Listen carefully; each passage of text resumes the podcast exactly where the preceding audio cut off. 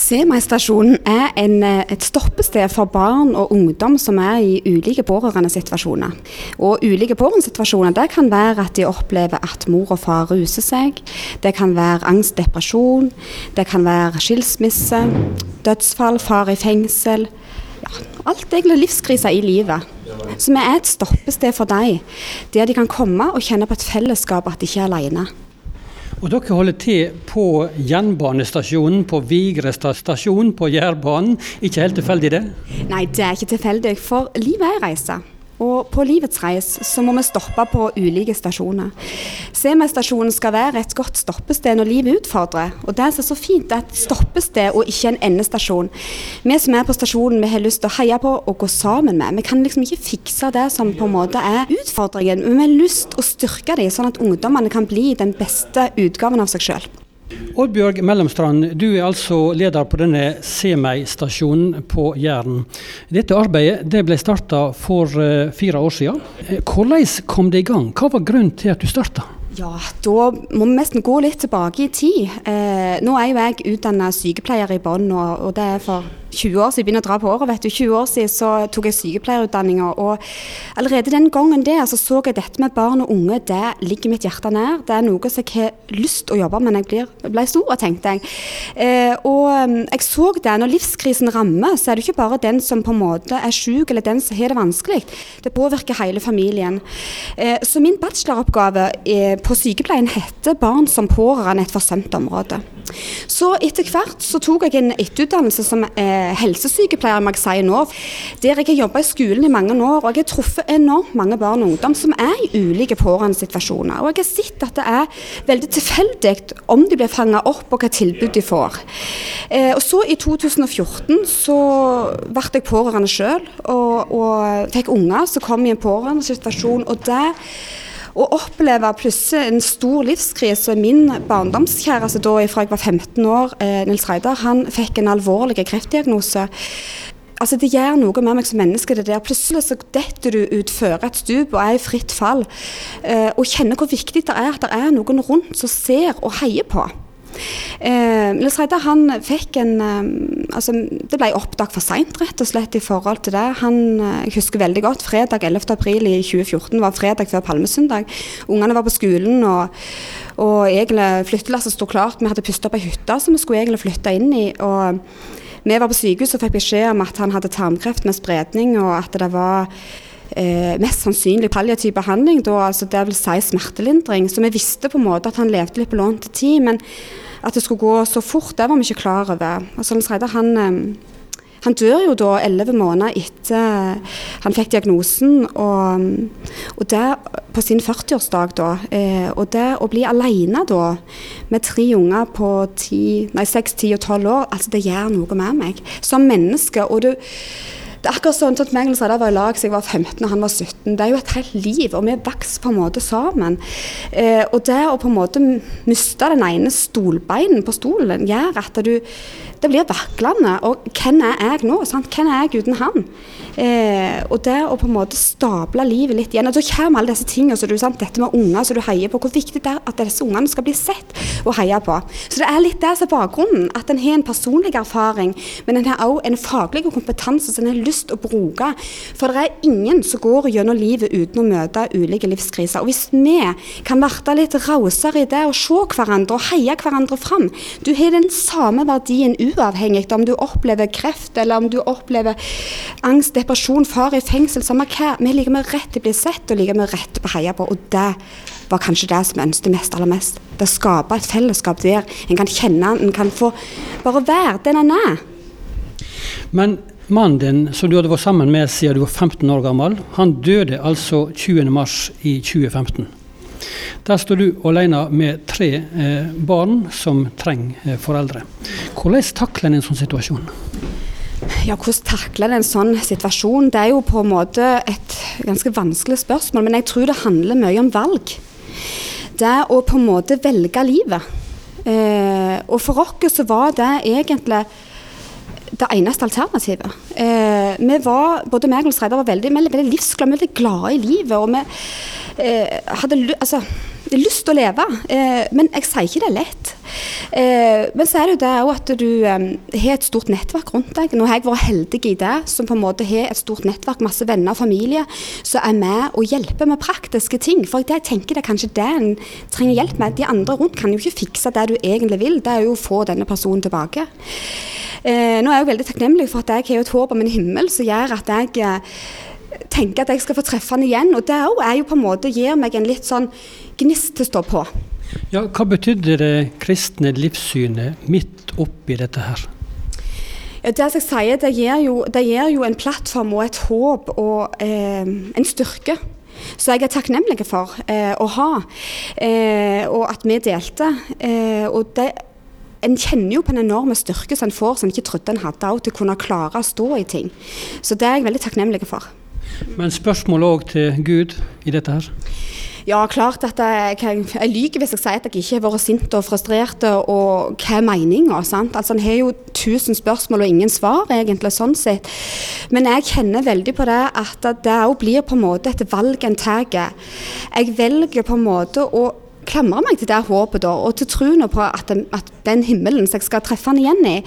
Og, og klart, disse steinene her, til å gå med ryggsekken og føle sinne og bitterhet og frustrasjon og sånne ting, det tror jeg ville vært bare å legge enda mer stein til byrden. En må på en måte sette seg i førersetet i eget liv og gjøre noen valg, og så er det jo en trygghet å ha han med på laget.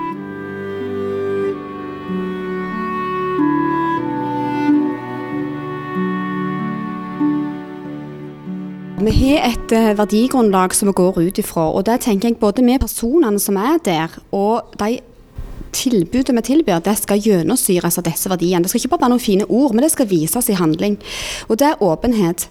Vi ønsker en åpenhet om at livet utfordrer, og at du har en lik verdi uansett om hva livskrise en måtte stå i. Like mye rett til å bli sett og hørt. Så er det ydmykhet. Og i det ligger det at det er ikke noe fasitsvar. Så når vi møter familier og unge, barn og unge fra 6 18 år, så møter vi dem i et likeverdighetsprinsipp. Der at OK, er mor deprimerte, så tenker jeg ja, jeg kan noe faglig om depresjon, men hvordan er det for deg? Så lever vi dette hver dag. Jeg har masse å lære av deg. Hvordan er dette i din hverdag? Hva kan vi gjøre for at din hverdag skal bli så god som mulig? Eh, og så er det kjærlighet, og det er jo det at vi ønsker å vise hjertevarme og bry oss. Det må jeg nesten si det at vi er rause på klemma. klemming. Og det skal dere vite, at klemming gjør masse forskning på dette. Og det med å klemme, det gjør noe med oss. Da senkes blodtrykket, altså sant, du kjenner på velværestoffene i kroppen, men du må klemme i 20 sekunder. Så neste gang du skal klemme noe, treffer noen, så klem det i 20 sekunder og se om det funker. Og så er det da den siste som er medbestemmelse. Og det er jo nettopp det vi vil. Det er at barn og unge sin stemme skal bli hørt. Sånn at eh, vi kan ha mange tanker om hva som er bra for dem, men hva er viktig for deg? Hva kan vi gjøre for at din hverdag skal bli så god som mulig? Det du står i.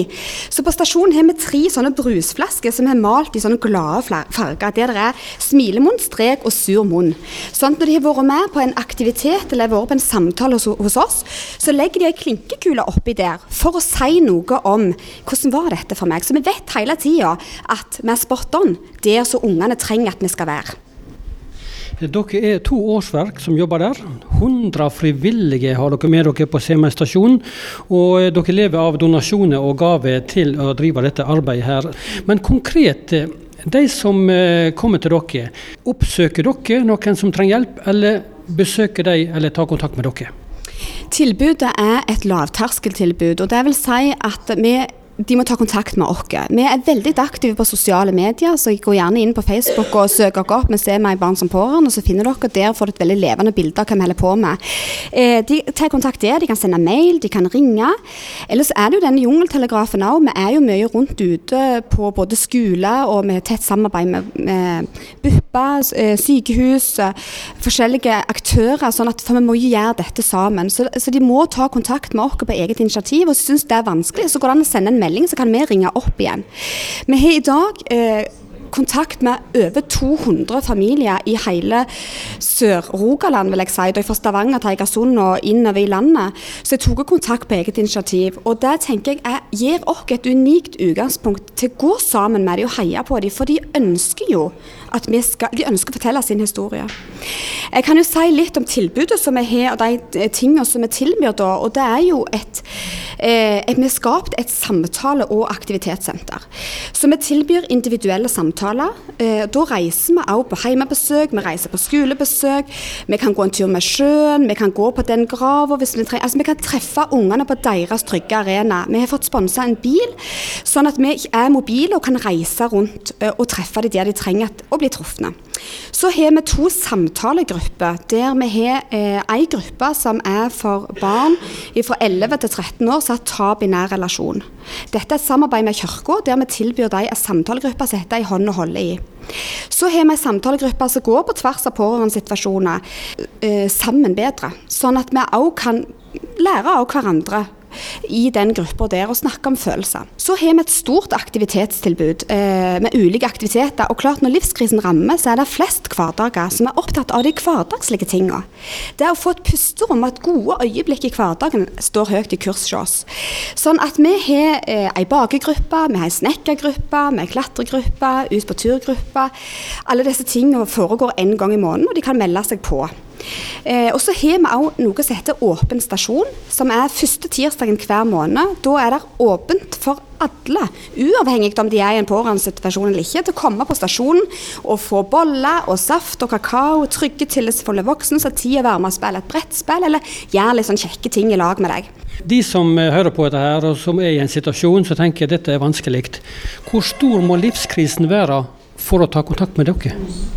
Altså, Ingen livskrise er for verken for stor eller for liten. skulle jeg si. Hvis en kjenner på at det er utfordringer der en eh, hadde hatt vært godt å snakke med en tredjeperson som har lyst til å heie på deg eh, og har lyst til å gå sammen med deg, så tenker jeg det er jo bare å ta kontakt. Det er ikke noen definisjon på det. Det er en sjøl som må kjenne på om en ønsker å ha noen med på det laget. Jeg kan si det der også i den forbindelse med at vi har noe som heter gledesspredere. Og det er nettopp det at når livskrisen rammer, så er det ikke alle som har det nettverket til å kunne steppe inn og hjelpe til. Så vi har en gruppe frivillige som sprer små og store gleder. Det kan være at det henger noen nystekte boller på døra. Det kan være at de kjører en unge på en aktivitet en gang i uka.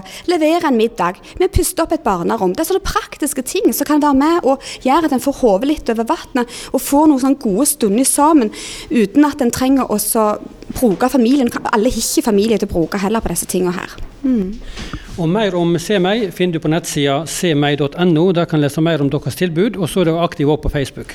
Ja, jeg vil anbefale folk å gå inn på Facebook eh, og følge dere der, og på Instagram. For da vi tar veldig med bilder av det som vi gjør. Der får du veldig levende bilder av hva vi holder på med. Så følg dere der. Det det vi setter stor pris på.